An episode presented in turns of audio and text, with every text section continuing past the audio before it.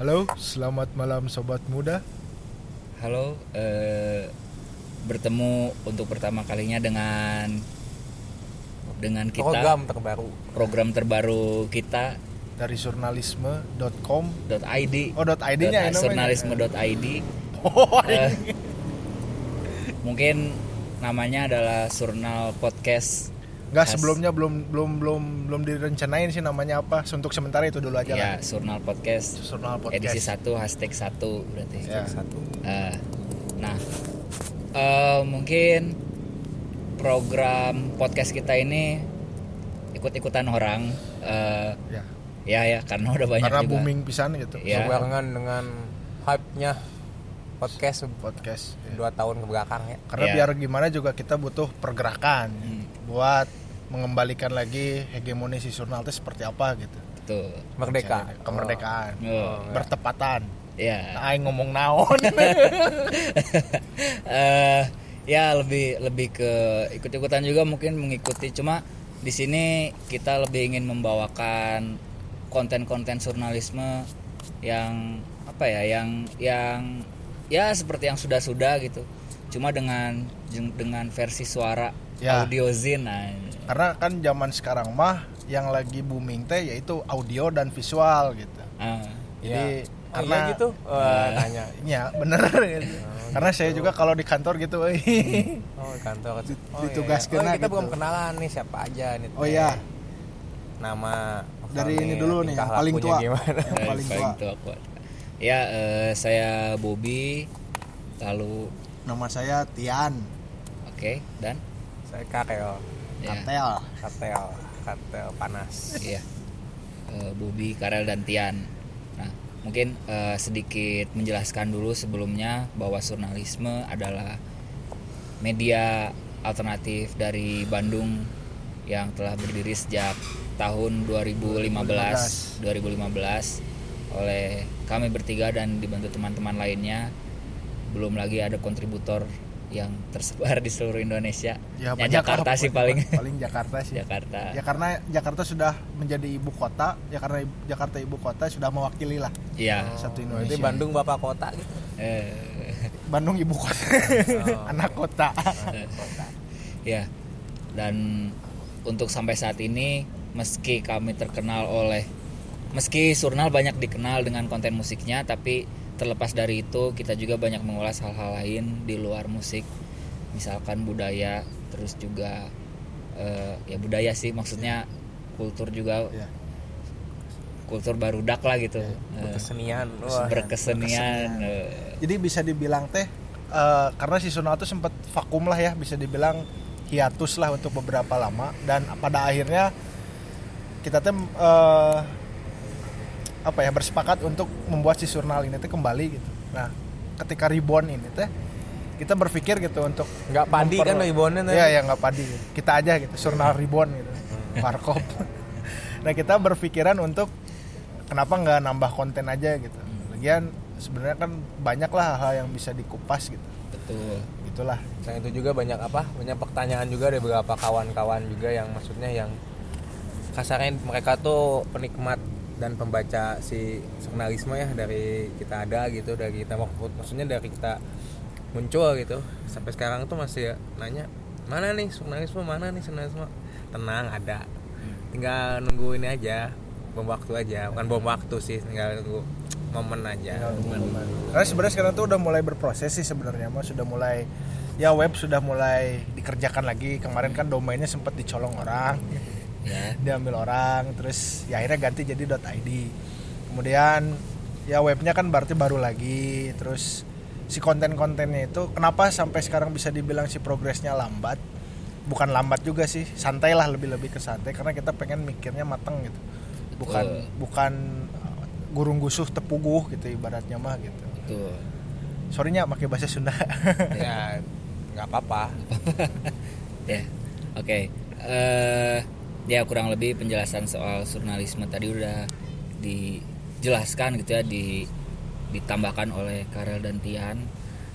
Nah eh, mungkin masuk kita mulai masuklah ke sesi sesi selanjutnya. Jadi bertepatan dengan kemerdekaan lah bulannya bulannya kemerdekaan Indonesia eh, otomatis mungkin pembahasannya kita kita bakal mencoba untuk mengulas secara secara general dulu secara garis besar tentang eh, tentang kabar permusikan dunia, Dunia kesenian. saat oh, ini. kesenian saat ini mungkin nah eh, mungkin dari dari Karel mungkinnya bisa menjelaskan secara ya secara garis besarnya gitu rel. Iya. misalkan sekarang tuh yang lagi hype. tuh tren tuh apa sih gitu. Sekarang. Kalau saya lihat sih untuk sampai, sampai sekarang ya sampai detik ini gitu eh, yang sangat kentara terlihat gitu. Kultur fest kultur ini ya kalau kita bicara musik gitu ya. Paling kultur festival gitu dalam artian sekarang udah banyak kesempatan di mana eh, band atau para musisi gitu musisi atau musikus ya sebutnya musisi, Musisi lah. bisa musikus bisa. Itu tuh kamu udah punya wadahnya. Sebenarnya dari dulu ya kultur festival itu sebenarnya dari dulu tapi yang sekarang ada sekarang sedang ramai ramai lagi ya itu si vibe festif tuh emang ada lagi gitu. Dari ya buktinya beberapa festival adalah mungkin contohnya kita ya tahu With the Fest terus Iya. apa eh Sonrenalin kah atau yang baru sumur jagung juga tapi udah besar Synchronize Fest. Itu salah satu mungkin contoh contoh nyata kalau si culture budaya festif tuh udah mulai mulai ramai lagi lah gitu di di tanah air ya. Kayak gitu. Tapi satu sisi selain festival vibe juga ada juga masih banyak juga eh, apa gig-gig atau show-show yang masih berbasis DIY kok kolektif base gitu underground base masih banyak masih mas maksudnya masih masih menyemut lah di antara di antara kita kita semua gitu maksudnya. Betul. Ketika ada mungkin des- bukan bukan bukan disebut kultur pertandingan juga tapi mak- maksudnya sebagai pembuktian juga bahwa si kolektif base or, eh, underground scene tuh masih masih bisa masih bisa berbicara banyak lah walaupun hanya di dalam segmentasi itu doang gitu. Ya kita tahu sendiri lah maksudnya hanya mungkin hanya lingkungan satu dan lainnya yang mungkin apa berdekatan gitu. Oh ini banyaknya misalnya DIY base nya di sini di sini di sini. Dan di berbagai hampir penjuru Indonesia sudah maksudnya sudah merata sih dalam artian dulu kan kalau underground base hanya dikenalnya di kota-kota besar ya mungkin. Kota-kota maksudnya daerah belum lah kalau kota besar seperti Jakarta Bandung Surabaya Jogja Bali Malang gitu kan maksudnya yang base undergroundnya besar. Tapi untuk sekarang sekarang masih banyak apa eh, akar rumputnya tuh malah, ter- malah sekarang terjadinya di kota-kota kecil Hmm. daerah-daerah kecil gitu yang saya lihat sekarang gitu. Secara secara ini ya secara budaya menjalankan industrinya gitu bukan industri sih menjalankan memperlihatkan karyanya gitu. Nah, kayak gitu jadi setiap kota tuh apa ya ya bergerilya lah gitu ya kolektif kolektifnya mulai dari yang kecil bawah tanah gitu sampai yang besar. besar eh, gitu. Ya menarik sih gitu. Apalagi bersamaan dengan dengan naiknya naiknya apa ya namanya kolektif kolektif ini juga bermunculan lah gitu. Maksudnya berbagai macam pelaku seni gitu. Ya. Baik dari musisi maupun misalkan apa videografer kayak atau ya orang-orang yang berkecimpung di bidang sana gitu. Kayak gitu. Nah nah berbicara soal soal musik juga nih band-bandan gitu ya. Nah, maksudnya kalau kalau dari ya dari Karel dulu deh gitu. Lagi seneng band apa nih?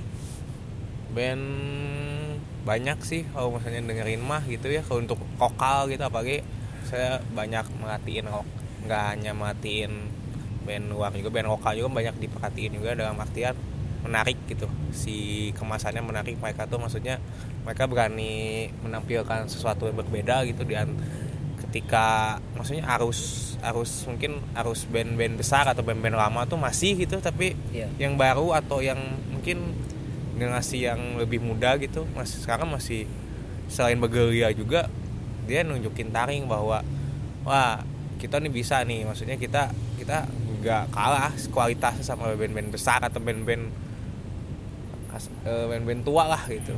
Banyak saya mungkin band-band muda banyak. Saya banyak dengerinnya hari ini banyak-banyak yang hampir semua sih mendengarkan gitu. Banyak dari eh, kantung-kantung berbagai genre gitu. Misalnya dari punknya kan lagi kita tahu lagi hangat-hangatnya Brigade of Crow Iya, gitu kan. Tuh, mantep. Terus Taruk, taruk, taruk. taruh oh, Taruk lebam-lebam. wah nggak tahu itu band apa. Wah terus apa eh, seperti Galaxis itu.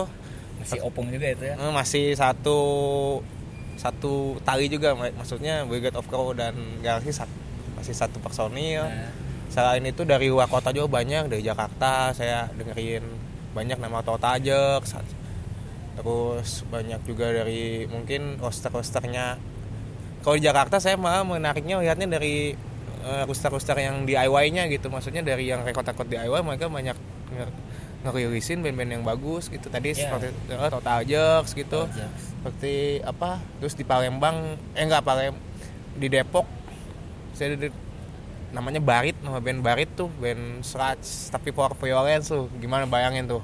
Scratch tapi tapi dudang dungdang dungdang eh wah. Arti, arti, arti. Nah, Barit dia dia rilisannya grip tuh dari Uri ke Malam kan Uri Gaus. Eh, banyak juga terus dari World Domination banyak. Palembang juga masih dengan si si sang patronnya ya.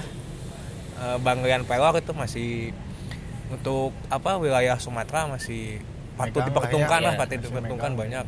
Seperti kemarin ada apa yang band yang baru tur di Bandung tuh egoism gitu-gitu. Ya pokoknya rilisan Rimau Men dan berbagai eh, jalur. Andalas tuh itu berbahaya juga itu. Berbahaya, Banyak. ya. Bali juga Bali juga besok tuh ada band tuh. Nah, eh, bukan besok sih maksudnya ada band tour juga keluaran Anwar Records sama Dive Colette tuh oke juga. Oke. Apa nama bandnya, Bung? Dive Colette itu keluaran Anwar Anwar Records. Anwar Records. Hmm, legend. Nice oh, legend naon ya. legend. Iya, karena dulu ya, sering dapat rilis dari Anwar Records oh kan. iya iya. Legend gitu. Iya. waktu itu teh pernah dat apa sih yang di Kineruku teh? Band dulu teh apa? Yang bertiga. Oh bukan namanya lo ini tapi udah nggak ada sih namanya. Apa? Ah, itu proyekannya ini kan Aji ya Aji di Mayo proyekannya vokalis Cherry Bombshell yang dulu sama gitaris Cherry Bombshell itu emang Cherry Bombshell ganti nama sih tapi lupa namanya apa ya. Itu Anoa itu an rilisan Anwar Records juga Iya. bagus nice nice, banyak lah nice. sekarang Dari Bung Bobby mungkin gimana nih? Dah. Kalau Karel tadi udah ngomongin soal underground underground lah ya, maksudnya yang ya keras gitulah. Nah, kalau dari saya mungkin ngelihat fenomena band-band yang berangkat dari bawah, bawah teh maksudnya ya dari underground, dari ya dari barudak lah skala skala barudak gitu sampai akhirnya sekarang besar tuh. Salah satu yang pernah kita liput adalah ya depan turas. no depan turas kan maksudnya sekarang oh ketika apa ya maksudnya dulu ketika awal-awal liputan yang mereka wawancara tuh yang si Edgar sambil magang juga Oh iya ada dulu ada namanya Edgar eh, mahasiswa dari Jogja. Eh dia orang Bandung tapi kuliah di Jogja. bukan. Pangandaran Pangandaran Ciamis Iya, ya tapi Pangandaran kuliah di Jogja kan dia. Iya. Oh, keren lah pokoknya tulisan-tulisan Edgar itu. si Atasa nulis gitu nulis kan Edgar dulu di Kusono. oh ya nulis sih dia dikit tapi video yang banyak dia Ya pokoknya dia pernah nulis. iya betul betul, betul.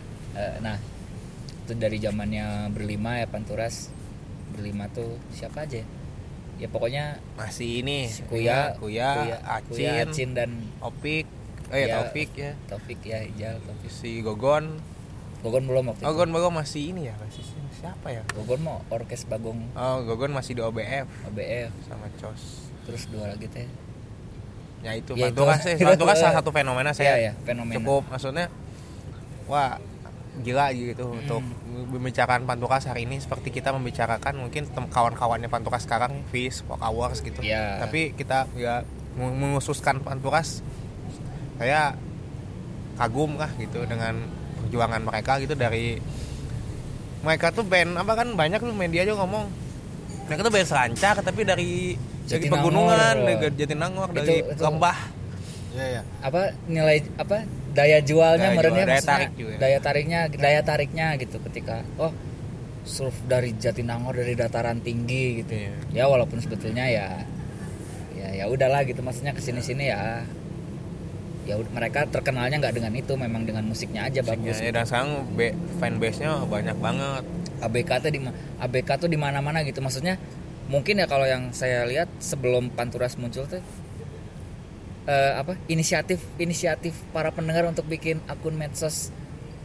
Misalkan fanbase mana Killing Me Inside Bandung Killing Me Inside Jakarta itu kan itu udah dulu banget gitu Iya. ya era-era 2000 2000-an, dekade 2000 pertengahan lah. 2000 nah, Medio 2000. era dekade 2000-an nah ketika masuk Panturas lagi tuh kayaknya mulai mulai nyala gitu mulai wah ya dia ada ABK mana sih gitu ya macam-macam gitu dan kemudian nggak diikuti sih tapi lebih ke berbarengan tuh momennya sama Fish juga mungkin Yes.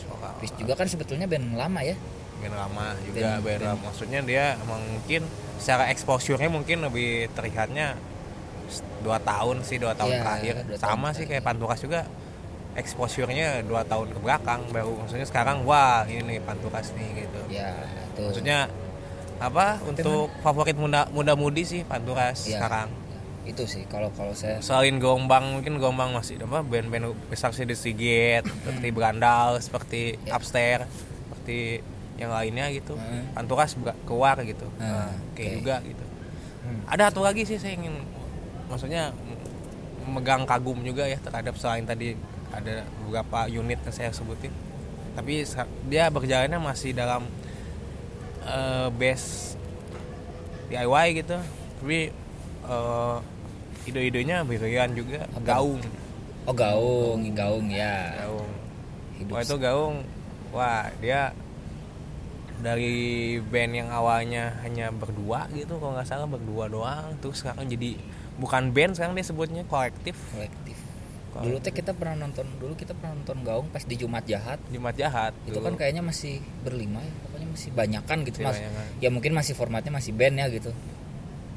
Sekarang Gitu. udah formatnya kolektif terus. Kolektif format live-nya juga beda-beda. Ada yang band ada yang noise ada yang sekarang bikin dia bikin audio zine beberapa, beberapa waktu lalu gitu. Menarik itu menarik. konsepnya mungkin mungkin belum belum diterima secara secara ya oleh halayak tuh Ya, masih yang masih wah mungkin. apa nih? gitu kan. Ya mungkin seiring berjalannya waktu hal itu bisa lebih bisa lebih direspons dengan baik. Ya walaupun udah baik juga sih sekarang gitu. Itu ya kalau kalau dari ranah karena ranah yang sekarang adegonannya mungkin. Ada satu band lagi sih yang bagus teh gitunya kalau menurut gue mah gitu. oh gue mah. Uncanny bro, Uncanny. Uncanny bro, basis oh, tetangga aing eta. Enggak.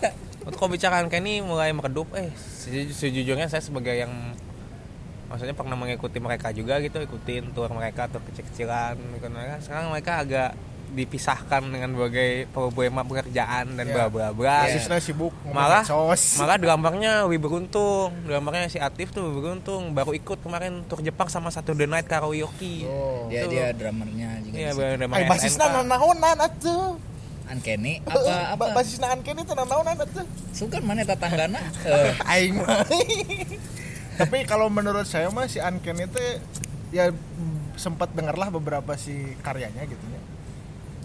Eh, mereka teh gimana ya? Kayak Sonic Youth. Tapi keren gitu. ya ya iya iya itu. keren ya maksudnya kerennya teh itulah maksudnya bukan berarti mereka menjiplak ya nah, itu mah ibaratnya patternnya mungkin ke sana gitu dan ya menurut musik orang sih, ini aja rock ya alternatif musik rock alternatif yang kayak gitu-gitu teh muncul kurang ya halus gitu ya teh Iya betul. Kemarin sih sempat nanya juga ke Indro tuh eh, basis nanya iya Salah tuh penggawa juga ya Penggawa jurnalisme juga. ya ini mah kita tidak nepotisme ya cuma ya objektif, gitu objektif bagusnya karena memang bagus sih kalau Memang bagus, karena ya. memang jarang sih sebenarnya untuk scene scene yang kayak gitu teh gitu maksudnya Hmm. mereka berani gitu dengan dengan dengan Iya. dengan dengan musik main musik seperti itu teh gitu. kemarin sempat nanya kan ke Indro karena kan katanya latihannya Jakarta Ban enggak sih yang Bandung ke Jakarta dan yang sekarang orang Bandungnya cuma Indro doang dan latihan. Iya. katanya mau garap album sih katanya waktu itu. Tahu jadi eh, kagok mau dibikin album aja. Ya katanya sih punya materi cuma mau dibikin album aja gitu sih kabarnya. Gitu.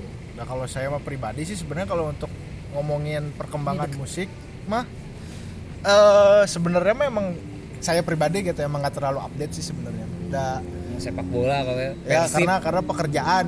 Setelah lulus dan bekerja di media bola ya udah gitu. Udah nggak jarang lah gitu si perkembangan musik itu udah jarang ngelihat ya paling saya tuh ngelihat paling ya cuman teman-teman dekat aja kayak Unkeni, Ankeni gitu kan. Karena itu memang memang teman dekat lah si salah satu personelnya itu. Jadi ya otomatis secara otomatis ya pasti saya ngikutin. Terus ada lagi Taruk misalkan. Itu kan juga kan teman dekat gitu ya udah jadi ya ikut lah gitu maksudnya ikut eh, karena karena dikasih tahu dan akhirnya tahu ngikutin gitu kalau nggak dikasih tahu mah jadi mual gitu ya Oh, iya iya iya. ya kalau saya mah sebenarnya stuck musik mah di band-band kayak apa ya yang eh, Ah, mah band-band metal. bagus-bagus mah, iya. di 2000-an 2015 ke atas tuh kayak Gojira, Oh, band luar ya. Mastodon, terus Iya, iya, iya. apalagi ya? Tapi banyak yang menyaingi kayak gitu-gitu di lokal sekarang. ya sekarang pasti banyak ya. mereka banyak. apa gitu. Kalian eh, kalian harus menyaksikan Amerta. Dia Nah. proyekan salah satu proyekan dari berbagai band. Dari Avat, Revenge, Oh iya, Sama-. Kif. edisional ya sama Kif sama edisional Dead Squad. Oh, ya ya si itu harus Akbar dengerin. Yang tadi disebutin saya dengerin Mastodon sama Gojira, dengerin Amerta. Wey, itu sama kayak gitu. jadi salah satu acuan buat kalian semua yang stuck musiknya kayak saya gitu. Oh itu Kif juga bagus tuh, tuh. Kif, Kif, Kif Itu, bagus. Kif bagus. Kif bagus bagus Jadi ya keren lah pokoknya. Nah. Aing support teman-teman teman-teman yang ngeband lah kayak si Taruk, si Ankeni support lah pokoknya. ya boleh boleh Boleh lah ya. Ya. Keren lah Iya. pokoknya. Bisa besar nggak berkarya mereka? ya. Hah? Bisa besar. Pasti Oh. bisa. Wih. Pasti bisa. Gila. Asal ada usaha dan kemauan. Eh, Tahu kata pilih baik gitu ya. Nah, Ada terus eta Ankeni basisna tong sare wae gitu. Eh? Kudu yeuh. jadi salam salam ke Eh, salam salam kayak di ini kayak di aduh FM. Eh, oke nah mungkin kurang lebih kabar permusikan saat ini tuh ya kayak kayak gitulah ya yang kita masih banyak lagi sebenarnya fenomena ya maksudnya kayak eh ya ya Eleven Kain terus Pamungkas dan Dan fenomena karaoke, fenomena karaoke yang sempat katanya kemarin wah ini copyrightnya gimana nih? gitu. Itu sempat jadi ya dibahas juga. Belum ya Emonite gitu-gitu. Ya karaoke juga sih itu. Karaoke ya. karaoke juga. Nah, sama inilah satu tambahan gitu kan. Sekarang kayak yang tadi dikasih tahu sama Bung Karel sama Bung Bobi lah. Banyak gitu kan si band-band baru bermunculan gitu dan ya. maksudnya bisa mereka bisa booming gitu kan ya ibaratnya selain karena karyanya juga kalau saya lihat kan sekarang lebih gampang ya untuk pendistribusiannya gitu kan Nah, itu karena ya. ada sekarang kan misalkan kita ada Spotify, Joox dan ya lain-lain digital platform sangat membantu Ya. untuk kalian tapi saat tapi satu sisi juga base base base cara-cara lama pun masih masih Ya. masih Relevan. sangat digandrungi Masih lah relevan. masih relevan dan masih digandrungi lah kayak si Tarukan baru ngeluarin kaset gitu kan Taruh wae eh kuai euy. ya kan ini personilnya Eh, enggak. Nah, eh ya mungkin kabar permusikan seperti itu ya. Masih banyak lagi mungkin di daerah-daerah gerilya-gerilya itu tuh terasa gitu. ya ya Kita bisa rasakan sendiri, kita bisa lihat sendiri. Nah, nah sekarang eh, berlanjut nih soal kemerdekaan, kebebasan dalam berekspresi. Maksudnya ini lebih ke ranah seni ya, khususnya musik. Nah, kita kita banyak kita mungkin eh, ulas balik gitu ke beberapa waktu sebelumnya kan. Maksudnya berbagai macam permasalahan yang salah satunya misalkan RUU lah gitu ya. Kita nggak akan nggak akan bahas secara fokus juga karena ya udah ini juga kan udah udah lewat juga udah lewat. udah di lah. apa udah dicabut kan udah dicabut bahkannya terus eh, ya menyangkut ke permasalahan soal digital apa streaming juga gitu digital rilis gitu-gitu. Nah ya ini kita berbicara soal kemerdekaan aja sih kebebasan dalam bermusik berkesenian lah gitu ya. Nah Ya. mungkin kalau kira-kira menurut kawan-kawan nih gitu rekan-rekan ini gimana nih? Maksudnya sudah sudah sudah seleluasa apakah kita gitu? Jadi gini sih kalau kata saya mah da yang namanya kebebasan juga bukan berarti bebas bablas gitu. Betul. Artinya gini lah eh, musisi teh ya silahkan berekspresi sesuai dengan apa yang dia mau gitu ya. Dan itu teh kayak kalau misalkan di ranah underground mah memang sudah menjadi pak, bukan pakem lah bisa berarti udah menjadi eh, habitnya lah udah kayak gitu. Nah cuman di sini tuh saya tuh agak sedikit menyoroti gitu ya. Kan banyak nih misalkan ya ini mah tanpa bermaksud apa-apa gitu. Ada banyak misalkan yang bermunculan mereka nge-cover lagu orang gitu. Iya. nge-cover lagu orang. Kalau misalkan izin mah nggak masalah gitu tapi kalau misalkan dia cuman nge-cover terus eh, dia nggak izin nah ini yang berabete nah ini perlu ada etika gitu. Oh, karena kan bisa dibilang kalau ngedengar obrolan-obrolan dari musisi-musisi mah gitu kan bisa dibilang sistem royalti untuk musisi di Indonesia itu kan masih kurang lah gitu ya masih belum masih abu-abu lah gitu masih Iya. dalam ranah yang abu-abu. Nah minimal gitu si minimal minimalnya mah ngomong gitu. Da mereka si musisi teh bikin lagu teh gak gampang gitu Iya. Gak gratis juga. dan gak gratis juga nah makanya ini sih yang saya yang saya agak apa ya meresah bukan meresahkan saya bukan musisi gitu tapi eh, ketika melihat ada orang misalkan Bung Karel ngecover lagunya siapa gitu nah Iya. terus si lagunya tuh booming Hmm. tapi Bung Karel tuh nggak nggak ngobrol gitu sama si yang punya lagunya dan tiba-tiba dia apa cuman eh, menikmati ketenaran uang yang kayak gitunya itu sendiri gitu sementara yang nyipta kan itu ironi lah bisa Iya, dibilang iya. itu tuh ironi ya semina minimal minimalnya mah kalaupun memang tidak bisa membayar gitu ya etika lah gitu yang diutamakan gitu itu sih kalau kata saya jadi kemerdekaan ya merdeka mah merdeka tapi jangan bablas gitu. Hmm. Sebenarnya ada wadahnya sih kayak gitu man. Apa sih yang kemarin tuh sempat jadi perbincangan juga ya salah satu lebih ke hak cipta ya. ya Apa kita tuh bisa rapor maksudnya musisinya musisi yang punya karya misalnya apa namanya aki. Hmm. KKI apa lupa saya singkatannya itu Aki, lebih iya, kayak iya. wadah bagaimana si copyright atau hak cipta tuh eh, di dipergunakan gitu. Maksudnya ketika ada orang ingin memakai lagu lagu atau karya orang lain itu ada stepnya gitu untuk se- minimal itu izin itu ya tapi dan- belum belum efektif. Ya kalau menurut saya teh yang hal-hal yang kayak gitu tuh harusnya lebih diefektifkan gitu. Dan kemarin kan sempat ada muncul RUU musik gitu ya. Ya entah apa maksudnya gitu. Intinya mah kalaupun memang mau memberikan perhatian kepada musisi gitu ya lebih baik perhatikan dulu hal itunya gitu. Hmm. Nah kasihan bukan kasihan ya maksudnya kita mau menghargai gitu. Menghargai apa yang dibuat oleh musisi gitu. Ya. seperti yang dibilang tadi dak gak gampang gitu bikin lagu teh gitu betul betul betul sekali. Setuju setuju eh. ya maaf. Ini mah tidak bertendisi apa-apa gitu Kalau dari saya mah cuman ya keresahan saya pribadi. Eh, kalau dari kalau dari saya soal kemerdekaan dalam musik maksudnya sebetulnya mungkin untuk untuk apa ya pada satu sisi pada satu sisi membahas kemerdekaan itu kayak ya untuk orang-orang yang sudah berjalan secara independen gitu kayak wah nggak ya gue nggak butuh nih apa namanya apa pun itulah kayak eh, penyokong-penyokong ya baik dari apa tuh ya tetap jalan lah gitu. Ini kan ini relate juga sama yang tadi tuh soal apa soal pergerakan Cipta, kolektif Oh, ya, yang gitu-gitu kan maksudnya ya ya udah gitu. Ya gue merdeka ya udah gitu. Nah,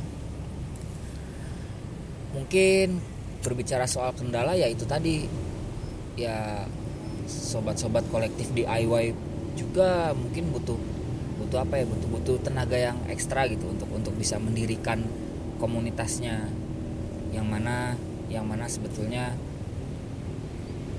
Kesadaran sih, ya, lebih kesadaran. kesadaran dan Sekarang dan melihat ke sejarah juga maksudnya ya ujung berung misalkan atau komunitas apalagi lah gitu ya, Ya. yang lain-lain kan maksudnya Rebels memulai dari memulai dari nol gitu dari bawah Ya, ya. gitu kan ya untuk bisa mencapai kemerdekaan yang dia mau gitu yang dia kehendaki gitu. Ya ini ini ini berlaku pula pada pada aspek lain. Ya misalkan di luar di luar musik gitu. Ya kayak kebebasan bermedia juga mungkin ya seperti jurnalisme ini mungkin ya ya bentuk kita nya bebas we gitu ini makan itu salah satunya bebas bebas tapi tetap bertanggung jawab karena ya ya bertanggung jawab juga kan ke pembaca dan sebagainya gitulah kalau dari Karel nih gimana ya tadi sih saya mau lebih kayak kesadaran itu maksudnya dalam artian mengapresiasi karya orang tuh kan Ya. butuh suatu apa ya butuh suatu kayak penilaian yang gak gampang gitu maksudnya maksudnya nggak hanya bawain doang oh gara-gara suka doang tapi nggak harus tahu juga bagaimana si orang tersebut membuat karya tersebut Ya. gitu maksud lebih ke situnya sih lebih kayak Betul. itu sadaran diri aja maksudnya nggak nggak nggak semudah itulah gitu sekarang gitu. Tapi kalau misalnya bicara lagi ya untuk bicara tadi tentang si poin ini gitu tentang kemerdekaan dan berekspresi dan bla bla bla bla ini saya lagi sedikit apa ya sedikit ingin bicarakan ada kawan-kawan juga maksudnya lebih dia ma- malah sekarang memiliki wadah banyak ya sekarang di Bandung untuk bicara lagi. Ke- bukan saya mengganggu-ganggukan kolektif bukan tapi lebih ke spiritnya sih saya. Banyak sekarang teman kawan-kawan gitu punya suatu wadah atau tempat untuk maksudnya mengembangkan kre- si kreativitasnya itu si kreasinya itu. Hmm. kita tahu contohnya ada sekarang Bandung ada ruang Tambrong ada rumah kultur ya itu nanti kita mungkin bakal ikutan juga ya iya kita Ya, bakal mungkin bakal bahas lebih dalam kultur. mungkin ya, dalam eh, episode atau dalam tulisan kita bakal Iya. bahas mereka tapi Hmm. untuk secara singkatnya suatu kemerdekaan tuh munculnya dari titik itu gitu. titik apinya tuh berada dari si kantung kayak gitu gitu kantung seperti yang saya sebutkan tadi kayak tamgong apa rumah kultur apalagi ya sebarang banyak tuh. Kayak gitu tuh udah atau mungkin yang sekarang kayak hanya sebatas seperti perpustakaan atau toko buku kecil seperti di Cihapit. Kita tahu ada Los Cihapit sama Akasa gitu. Kasa ya. Yang kayak gitu-gitu tuh yang jadi mungkin pemantik bagaimana kita menjalankan eh, sesuatu tuh dengan waras gitu. Dengan apa yang seharusnya kayak gitu sih. Ya dan kalau misalkan dikaitkan dengan ini kan kayak sering jadi pembahasan yang pembahasan secara implisit ya maksudnya secara selewat gitu berbicara soal senioritas junioritas naonnya maksud ya kayak apa ya, kayak lebih ke gap gitu Kampus gap antar gap apa? Kampus sebenarnya senior junior. Ya dalam maksudnya itu dalam dalam banyak hal juga terjadi gitu kita sering wah gimana karolot. Yang apa yang tua yang tua-tua mulu Oh, gitu yang ya. tua mulu ya kan? Nah, terus habis itu yang yang mudanya kapan nah? Mungkin kalau kalau misalkan sebetulnya itu hanyalah sebuah fase kali ya. Hanya sebuah fase. hanyalah sebuah fase di mana mungkin nanti Fase yang dan keberanian.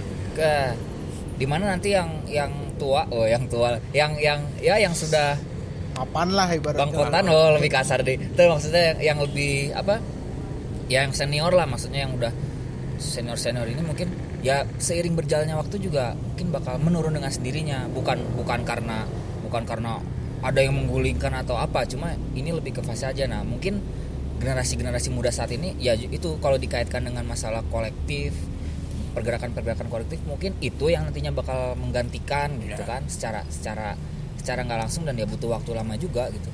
Karena karena justru ya gegap gempitanya si kolektif itu ya karena mungkin karena saya pribadi baru berkecimpung beberapa tahun ke belakang jadi ya terasanya baru sekarang-sekarang gitu. Yang mana sebelumnya masih masih dalam masa peralihan gitu. Hmm. apalagi setelah seiring kemajuan teknologi gitu ya. Seiring kemajuan te- kemajuannya teknologi akses kita untuk mencapai mencapai ya untuk bisa bergumul berkolektif berapa ya mempersatukan gitu. Akhirnya bisa gitu. Dan dan tidak terbatas oleh ruang dan waktu. Ya.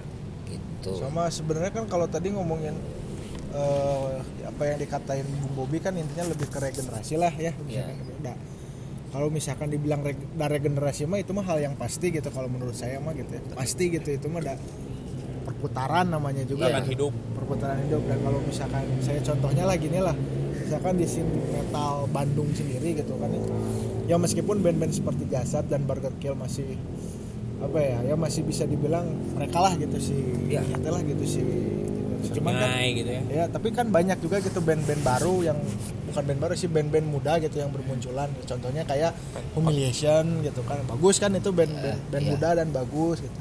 Ya banyak lah contoh-contohnya gitu. Ibaratnya. dan ya itu tuh salah satu perwujudan bahwa regenerasi itu memang ada. ada dan berproses gitu. Iya, dan berproses betul. gitu.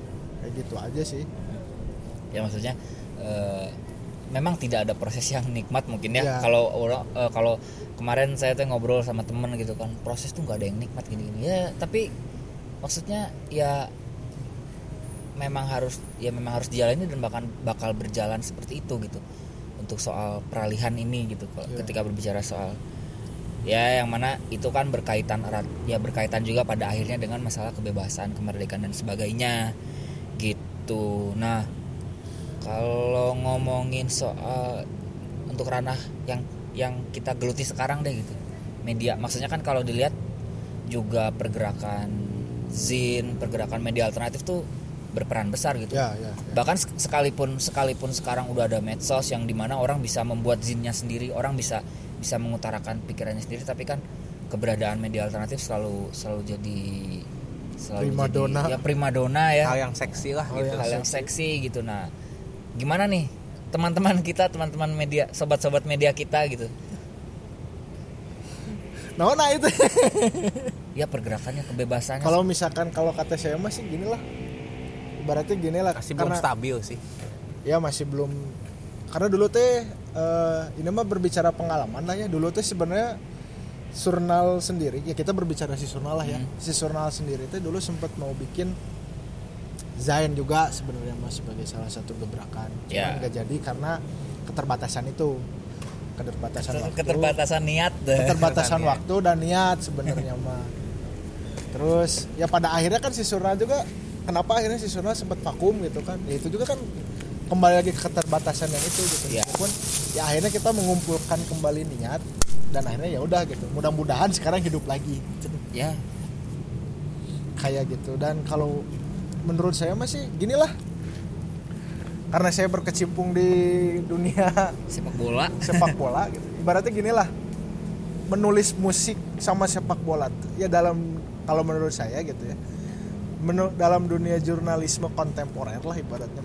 oh Setiawan menulis Santana ini. musik dan menulis sepak bola tuh udah paling enak lah dalam ranah jurnalistik tuh. Kenapa gitu? kenapa tuh? Karena kita tuh bisa menyisipkan sisi subjektivitas si penulis. Hmm. kayak misalkan sepak bola gitu. Ketika kita bikin review pertandingan gitu ya kita tuh bisa menyisipkan analisis pertandingan dengan apa yang kita lihat di lapangan gitu.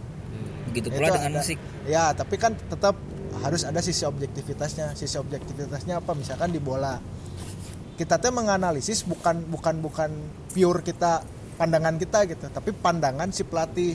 Ya. artinya lebih ke kayak gini misalnya kenapa si pelatih teh misalkan Persib kenapa sih pas kondisi kayak gini kenapa si pelatih teh masukin Kim misalkan di tengah? Padahal butuhnya si A misalkan. Tapi kan si pelatih punya pandangan sendiri gitu. Nah kita teh menganalisis dengan pandangan pelatih. Mungkin karena Kim punya kemampuan eh, apa ya box to box yang baik di lini tengah akhirnya sih eh, ini jadi kayak ini nih jadi Masukin kita kayak harusnya ini Nah. kayaknya harus ngundang pangeran siaan kan di sini nih begitu juga dengan musik box gitu. to box Indonesia Oh. ya kan begitu Karena- juga dengan musik gitu karena Kimnya Kim Gordon nah. Kim Gordon bukan Kim. Kardashian Wah. Nah, jadi kalau misalkan di musik Bung eh, Pange harus didatangin ke sini Bung Pange nih sama Bung Zen Bung Zen Oh iya, Bung Zen RS sebagai maha guru. mengejawantahkan.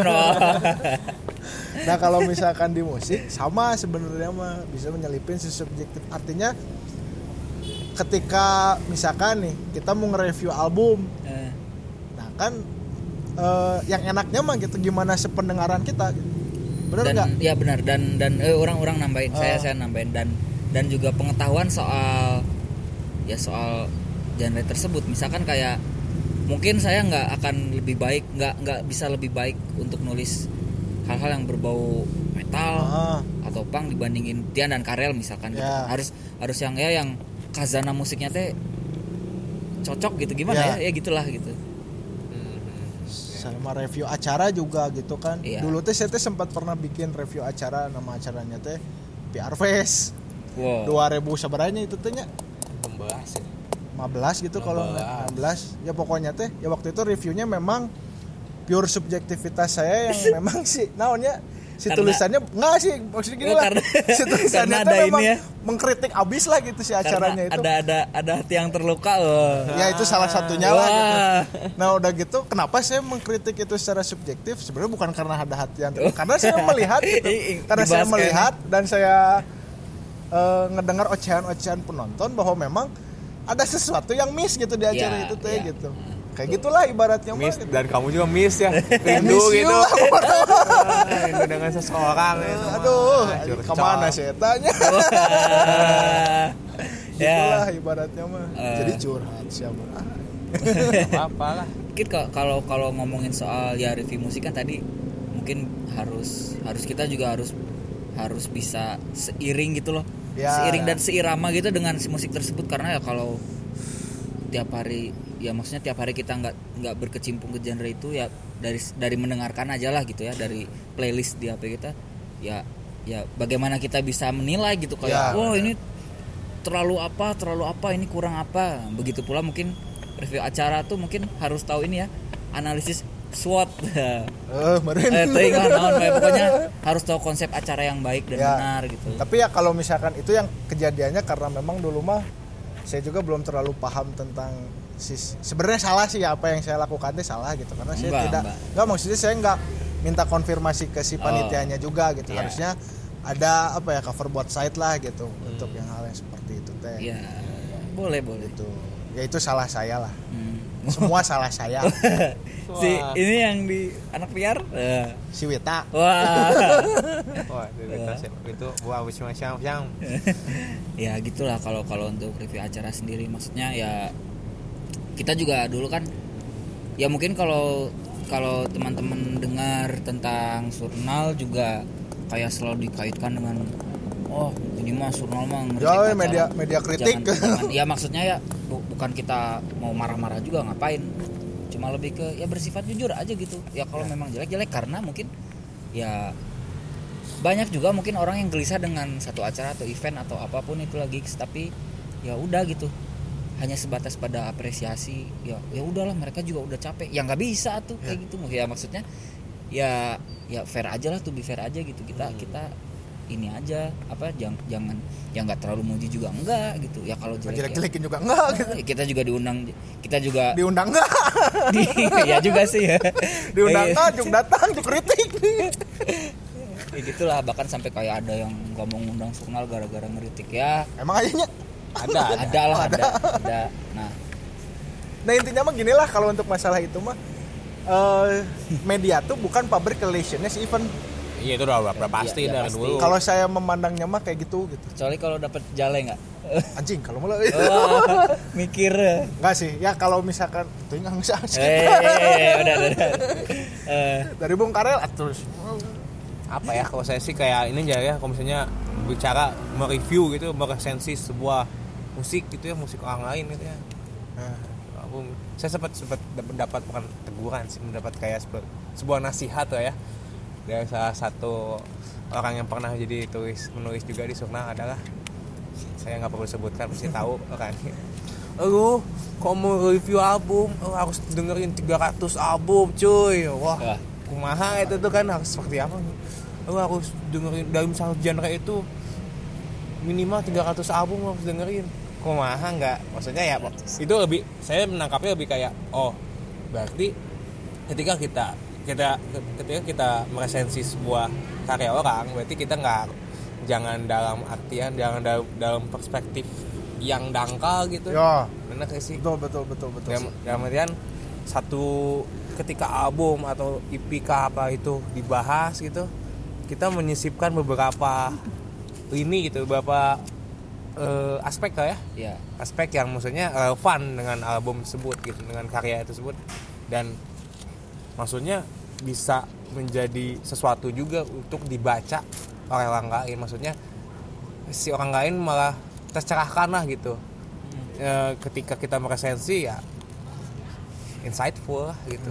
Iya betul. Iya, kayak gitu. Bukan kita harus secara kronologis gak juga sih. Tapi kalau kita mampu maksudnya kita hanya dalam satu genre hanya menggunakan dua tiga band tapi kita mampu mem, apa mengemasnya dengan aspek-aspek yang luar biasa pada albumnya itu biasa aja itu keren Nah, kayak Iya. gitu Nah ini sedikit bocoran nih. Jadi Bung Karel ini bisa dibilang ensiklopedi musik berjalannya Surnal. enggak ada ada Mirza kok Ada Mirza juga ya. Mirza Tapi saya sendiri sih saya pribadi banyak dapat eh, Mirza tuh yang bikin podcast sama Wis Firman. Sama si podcast milik rakyat tuh dengerin juga tuh ya, orang itu gila Wah. orang Surnal juga itu ya, Ya, mantan. mantan. mantan atau masih sih?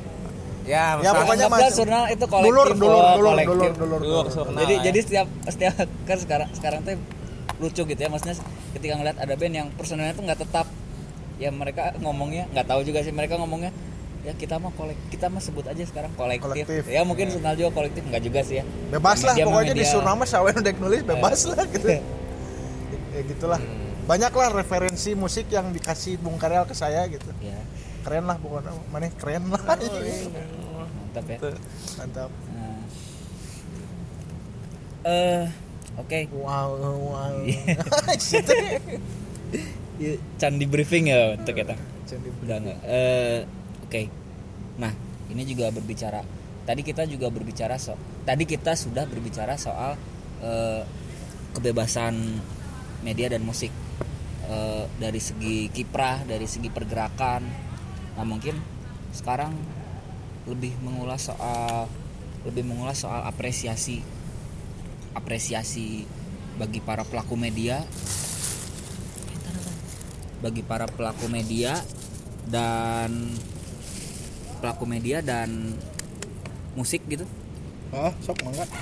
apresiasinya seperti apa sih gitu maksudnya udah sudah sampai eh sudah sampai tingkat tingkat sejauh apa gitu Sok udah Bung Karel dulu.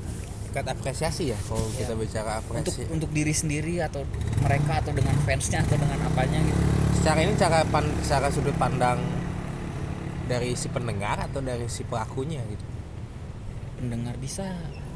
Kalau Pelaku pendeng- bisa. kalau misalnya berbicara secara pendengar ya ketika mengapresiasi sebuah karya gitu, sekarang udah oke gitu udah maksudnya udah mulai dalam artian respect lah apresiasinya secara respect gitu enggak apresiasi yang ogah-ogahan gitu kasarnya gitu yang oh iya iya oh bagus bandnya gini gini gini atau wah bagus ini bagus bagus tapi ya udah cuman hanya sebatas karena mungkin teman ya itu sih agak Ya. agak mungkin agak bukan apa, bukan suatu yang nggak terlalu sehat lah gitu ya mungkin ya ya ya dalam artian kok apresiasi apresiasi yang menurut saya apresiasi yang yang baik itu apresiasi yang tepat ya kasarnya itu ketika dia menyukai hal itu mereka memberi mereka langsung apa menyebar virus itu dalam artian lu harus dengerin ini Oh. apresiasi dalam artian membagi juga ke orang lain yang di mana maksudnya satu frekuensi ya gitu. Iya. Ini cocok nih buat lu nih musiknya atau nih cocok nih si band ini buat pendengaran kita buat lingkungan kita gitu. Lebih kayak saling berbagi dalam artian untuk keba- keberlangsungan kebaikan si bandnya si pelaku yang merilis karya itu dalam artian wah karya gue diapresiasi nggak sembarangan gitu. Karya gue diapresiasi oleh orang yang benar-benar suka bukan dalam konteks pertemanan dalam tanda kutip pertemanan gitu malah dalam konteks ya bener ya gue fans gitu. Hmm. kasarnya kayak gitu. Sangat kebanyakan sekarang tingkat apresiasi udah udah sampai segitu sih. Walaupun masih ada yang dalam konteks pertemanan masih ada masih yang Ah, menu, tuh. menu bagus ya tapi ya udah Maneh. gitu. Ah, ingat sama dia. nggak gitu maksudnya. Nggak saya lihat kayak gitu sekarang gitu. Apresiatif ya. Tingkat apresiatif. Tapi dah orang bangga gitunya boga baturan. Maksudnya dari saya pribadi gitunya untuk masalah tingkat apresiasi menyambung apa yang tadi dikatakan karena hampura lain motong gimana Ya. ibaratnya kayak saya pernah punya teman-teman gitu yang berkreasi ya maksudnya punya karya meskipun saya sendiri nggak bisa gitu tapi teman-teman saya bisa saya mau bangga gitu. Kayak misalkan taruh Ankeni gitu yang benar-benar itu tuh lingkungan si personilnya tuh ada di lingkungan saya gitu. Dan orang tuh bangga gitu dengan hal yang seperti itu. Kecil betul betulan aing keren ya tapi potong juga ya saya mau Ya, nggak apa-apa, Tapi potong lagi tapi perlu juga dalam artian gini da, apresiasi disertai sama kritik juga. Ya. Saran dan kritik ah kasarnya jangan jangan kita bicara saran kritiknya. Maksudnya dalam artian biar sama-sama membangun juga sama-sama membangun si lingkungan si bermusiknya itu lebih sehat juga gitu lebih Ya. bisa saling evaluasi saling refleksi. Kayak gitu sih. Jadi Nah. bukan menasehati ya tapi ya dalam artian saling belajar juga. Ya, dan ya. semua juga kayak gitu kan semua. betul betul. Sampai sekarang berlangsung gitu dari yang band tua atau band baru kayak gitu. Harus butuh itu sih selain apresiasi bukan puja-puji gitu tapi ada kritiknya itu. Nah, eh, menyambung emang emang bener sih. Maksudnya ya nambahin lah dari Bung Karel kritik gitu. Masalah kritik itu sebenarnya saya nggak tahu sih Nya, untuk orang-orang di Indonesia itu kayaknya masih sedikit alergi gitu dengan mendengar kritik. Ya mungkin nggak semua orang gitu ya. Adalah sebagian orang gitu yang mungkin masih anti kritik. Jadi ketika dikritik tuh orang-orang tuh mikirnya wah sih ya gitu.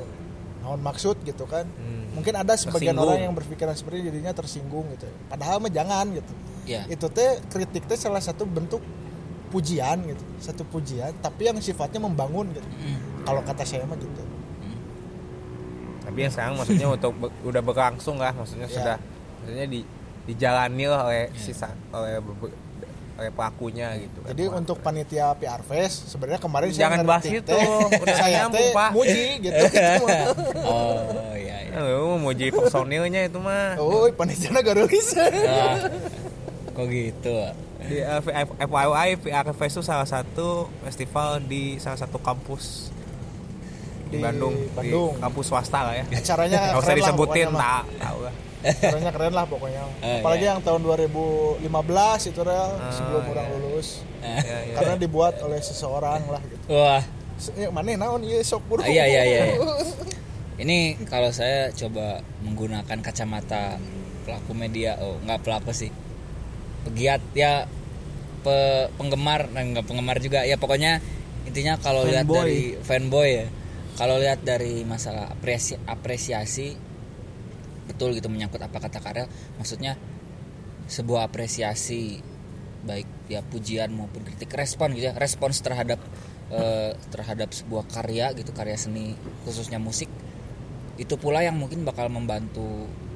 Karena sekarang mah mungkin udah udah ini ya udah apa akses tuh mudah gitu. Hmm. nggak kayak mungkin bahkan sekarang ketika kita mendengar musik pun dan kita merespons kita lalu kita menyebarkan di media sosial mungkin itu adalah bentuk kayak bentuk ya bentuk yang ya itu salah satu kontribusi lah. Salah satu kontribusi kita untuk turut membesarkan perkancahan skena eh, kalau kata skena. orang-orang skena gitu kan. Nah itu itu salah satu yang membantu juga. Dan dari dari band dari band sendiri pun ini ini juga kalau kalau saya tangkap lihat dari band maksudnya band tuh ya musisi musisi tersebut mengapresiasi dirinya sendiri gitu. Kalau yang saya lihat mungkin ya banyak yang baik bisa mengapresiasi dengan baik karyanya seperti apa. Maksudnya kalau di di bagi saya ketika dia bisa ketika musisi bisa menga- mengapresiasi musik dengan baik itu adalah ketika dia tahu seperti apa musiknya dia tahu prosesnya seperti apa dia juga mau untuk mau untuk kayak nih musik aing tuh kayak gini nih musik gua kayak gini nih nah kayak gitu. Nah nah eh, beda halnya dengan beberapa kalangan yang kalau ditanya ini pengalaman ya pengalaman pribadi juga mungkin pengalaman pribadi ketika meliput di Jakarta atau di mana ketika ditanya eh genre lu apa sih? Dia jawab kayak ya rock tapi ada yang bilang agak-agak agak-agak metal agak-agak hardcore ya whatever lah gitu terserah lah.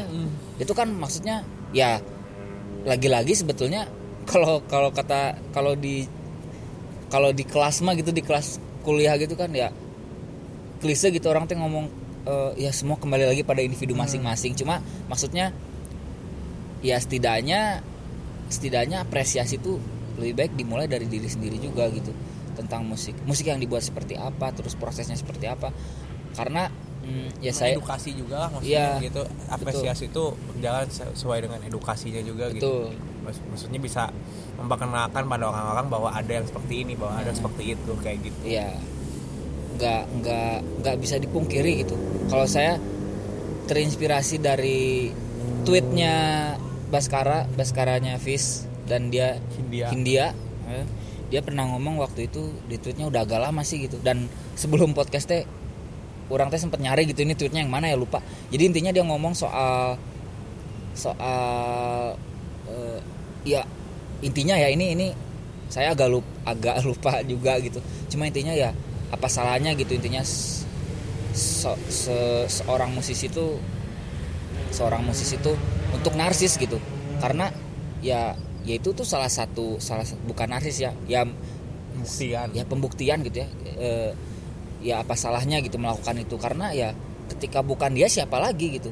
Untuk ya terutama apalagi ketika dia sedang menanjak gitu sedang berusaha meniti karir gitu. Meniti karir ya ya sekarang mas saya nganggapnya ya semua orang yang saya nganggapnya deh maksudnya semua orang yang bermain musik dan berusaha mendistribusikan musiknya ke halayak luas tuh ya adalah sebuah upaya gitu.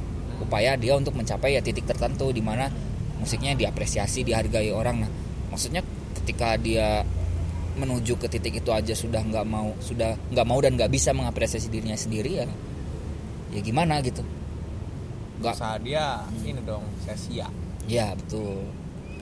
Kayak gitu sih. Ya btw di sini mungkin kalau hasilnya nanti kedenger suara motor karena kita emang lagi di parkiran sebenarnya. Gitu. ya di salah satu parkiran di Bisa salah di satu salah satu kampus swasta. swasta terkenal di di, kota Bandung. Bandung, dan di- di sini di tempat inilah si Surnal berdiri. Wah. Filosofinya itu. Filosofinya ya.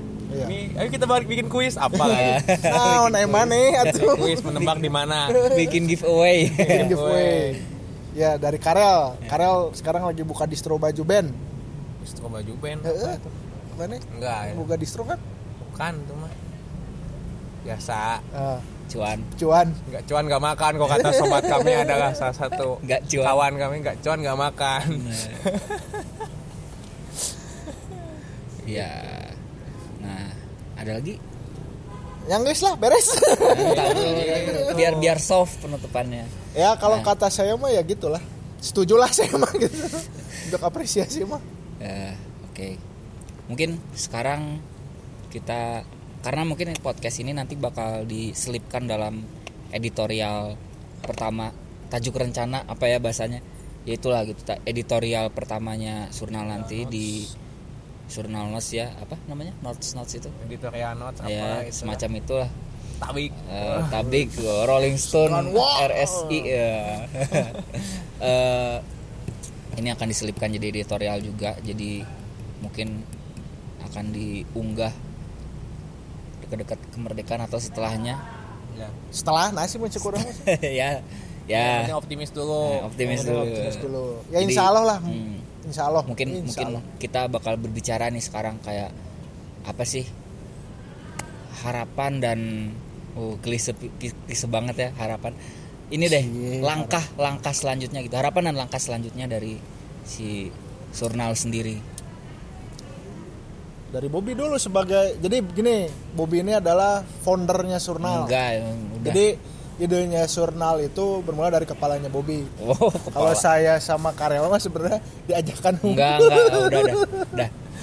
Eh, buntut tikus. Buntut eh, tikus. enggak. Enggak ya gimana gimana nih? Gimana nah Ya, orang. ya gini gini. Nah, tentu tentu eh, Surnal kan siapa dah.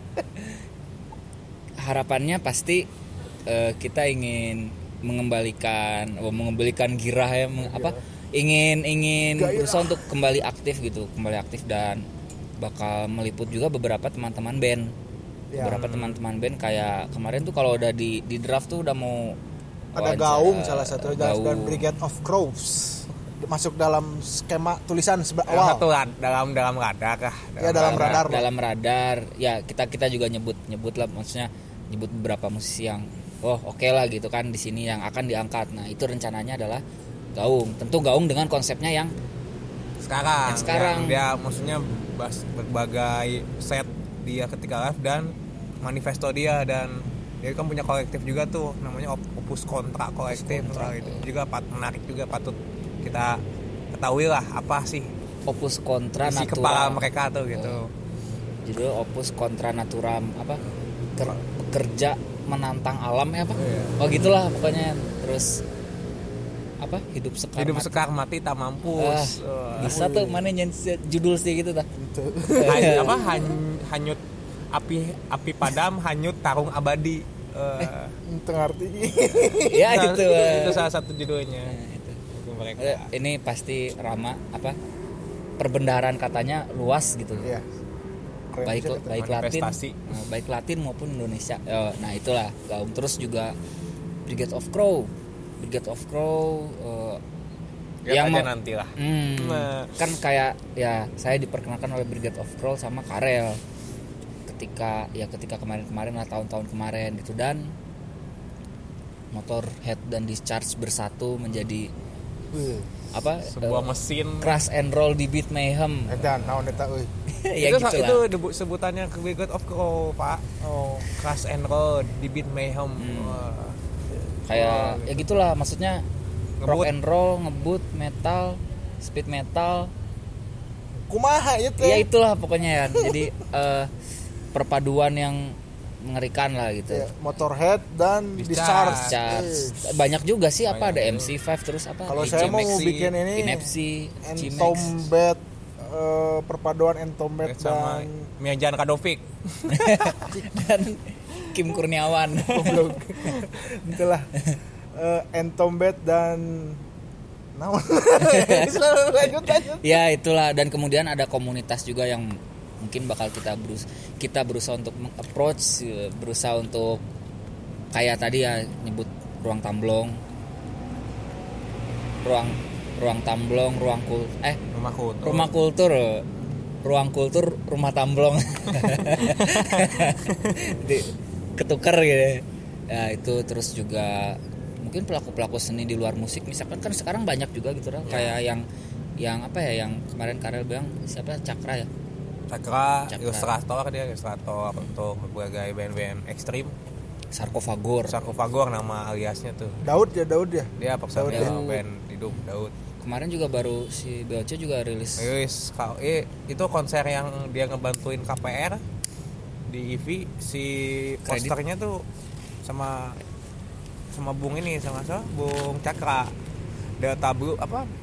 Delta Blues Apokalips apalah nama Delta ini, Blues. ini oh iya ya itulah. Ya, itu. rock and roll apokalips mah judul lagunya. Nah ya itunya Delta si Blues narkotik. Blues narkotik. itu juga. Nah, itu Sistem. juga ya itu juga mungkin akan membahas mungkinnya mungkin entah dalam podcast entah dalam tulisan. Bulan depan ada salah satu festival juga yang yang cukup diperhitungkan di kota Bandung. Kolektif kolektif base. Yang yang sempat sempat berlangsung juga dua tahun yang lalu di Kampung Eros Dago namanya festival kampung kota. Oh band maneh main itu namanya. Enggak itu bukan enggak hanya jangan bicara bandnya. Oh. secara secara spiritnya bos. Katanya eh, kalau lihat dari apa? Dari teman-teman yang udah bi- bikin postingan ya nggak ngebocorin juga sih. Cuma ya gimana bocor? Tapi itu nggak hanya musik juga sih, Iya, Festival Kamu Kota ada eksibisi seni juga, maksudnya eksibisi karya-karya ilustrasi, lalu ada diskusi juga, seperti halnya seperti apa yang pernah dilakukan dua tahun lalu sih, Iya, iya, Festival Kampung Kota di Taman Sari, di runtuhannya. yang katanya nggak hanya hitungan hari gitu ya? Ya, hitungan hitungan Hitungan minggu. hitungan dekade bos. Satu dekade aku menanti. Wah. Wah, kalau siapa saya mah mau curhat di tulis dia di sisi sekarang mau curhat. Biar biar ini ya. Biar cur- mau curhat soal soal yang Soal- yang enggak. dikagumi itu udah punya anak gimana? aduh Nah, saya mau mau curhat soal pengalaman nonton Slayer bos ya Tian Tian Tian si sombong ini akan menulis juga soal pengalaman dia menonton Slayer yang paling ya. ekstrim Slayer. di dunia. Nonton Dan Slayer terus juga kan Tian eh, Tian ini jadi eh, sebelum ya maksudnya behind the scene gitu ya behind the scene cerita cerita maneh nul apa maneh liputan eh liputan lau nonton lau eh. ya lau lau liputan Slayer ini kan berkunjung ke nggak leputan aing mah dipaksa mana jam nulis Iya, iya, iya. aing udah nonton nonton Slayer ini kan maksudnya dari dari satu negara ke negara sambil jalan-jalan ya, Ya, sambil jalan-jalan. jalan-jalan dan mencicipi prostitusi yang ada di setiap Ya. wah anjing tuh ya ngomongin aja nggak apa-apa. Ngomongin aja nggak apa-apa, nih. biar tahu teman-teman tahu. oh Ya, biar teman-teman tercerahkan juga orang Iya. kok Ya, keluar. 2 juta followers jurnal tahu kalau Tian teh hobi gitu dengan Hobi prostitusi. Ya? Spa gitu dunia spa. oh enggak enggak enggak enggak, enggak. Nah, udah udah udah hijrah Tian udah sekarang. hijrah jadi ya intinya gitulah mau curhat aja kalau saya dan kalau soal harapan mah intinya mah gini lah kalau misalkan ketika si band ini benar-benar eh, si band ini jadi si band ini si media ini mau bergeliat lagi gitu untuk untuk hidup lagi yang saya pengen tuh biar bisa konsisten aja dulu gitu. Eh, jangan sampai ya kesalahan yang dulu tuh jangan sampai terulang lagi wah ya kita belajar dari pengalaman lah ibaratnya Mas. belajar dari pengalaman ketika dulu tuh kita tuh sama-sama egois gitu egois dengan kehidupannya sementara kita tuh punya proyekan yang sebenarnya dinikmati sama orang-orang tapi kita tuh kayak nggak peduli gitu Eh, iya. Nggak? gitu. nah kita tuh nggak mau gitu untuk untuk seperti itu lagi makanya ketika ada niatan si Surnal ini kembali ya saya pengennya harapannya sih konsisten lah gitu. Iya. apinya apinya nggak nggak padam ya ya? apinya nggak padam. Api dan padam, apa ya hanyut. mungkin lebih lebih dewasa kali ya. Eh, ya, iya. ya bocoran gitu. Kalau kata Sur- gaung ya tadi kan nggak padam terus tarungnya abadi kan bertarung terus kita ya. Gelut we, tuh. dulu tuh terus gitu menang-menang gitu. Dari juga KWW gitu nya we tuh loy menang teu Eh. cokot ku batur. Tidak teh anjing. Budak deui nya. Eh, di Gena teh. geus posting foto budakna. Aduh anjing nepak tarang aing kalau nasa penting ya gitulah intinya mah Iya. gitu. Ya, intinya mah jangan apa ya jangan menikahi yang udah punya pacar gitu lah anjing. Karel Karel? Harapan mah ya sangat-sangat klise lah maksudnya semoga si jurnalisme ini ya si media yang kita gerbong kita ini gitu yang kita udah bangun Kareta. gitu nu kareta argo pakahyangan argo jurnalisme tetap bisa konsisten lah maksudnya dalam arti si semangatnya terus gitu dan dukungan dari orang-orangnya pun orang-orang lain penik penikmat si jurnalisme itu masih support lah gitu ya di situ aja. Klise lah gitu. Hmm. tapi klise tapi ngena. Ngena lah gitu. Ya semoga lah doain aja lah gitu yeah. kita mah. Sakinah mawadah warahmah lah pokoknya. Bila taufik wal hidayah. Wassalamualaikum warahmatullahi wabarakatuh. Ting ting ting ting ayo ting eh, oh, gini? trona tronanya. Oke terima kasih teman-teman. Selamat menikmati surnal podcast edisi pertama bersama saya Bobby Tian dan Karel. Terima kasih.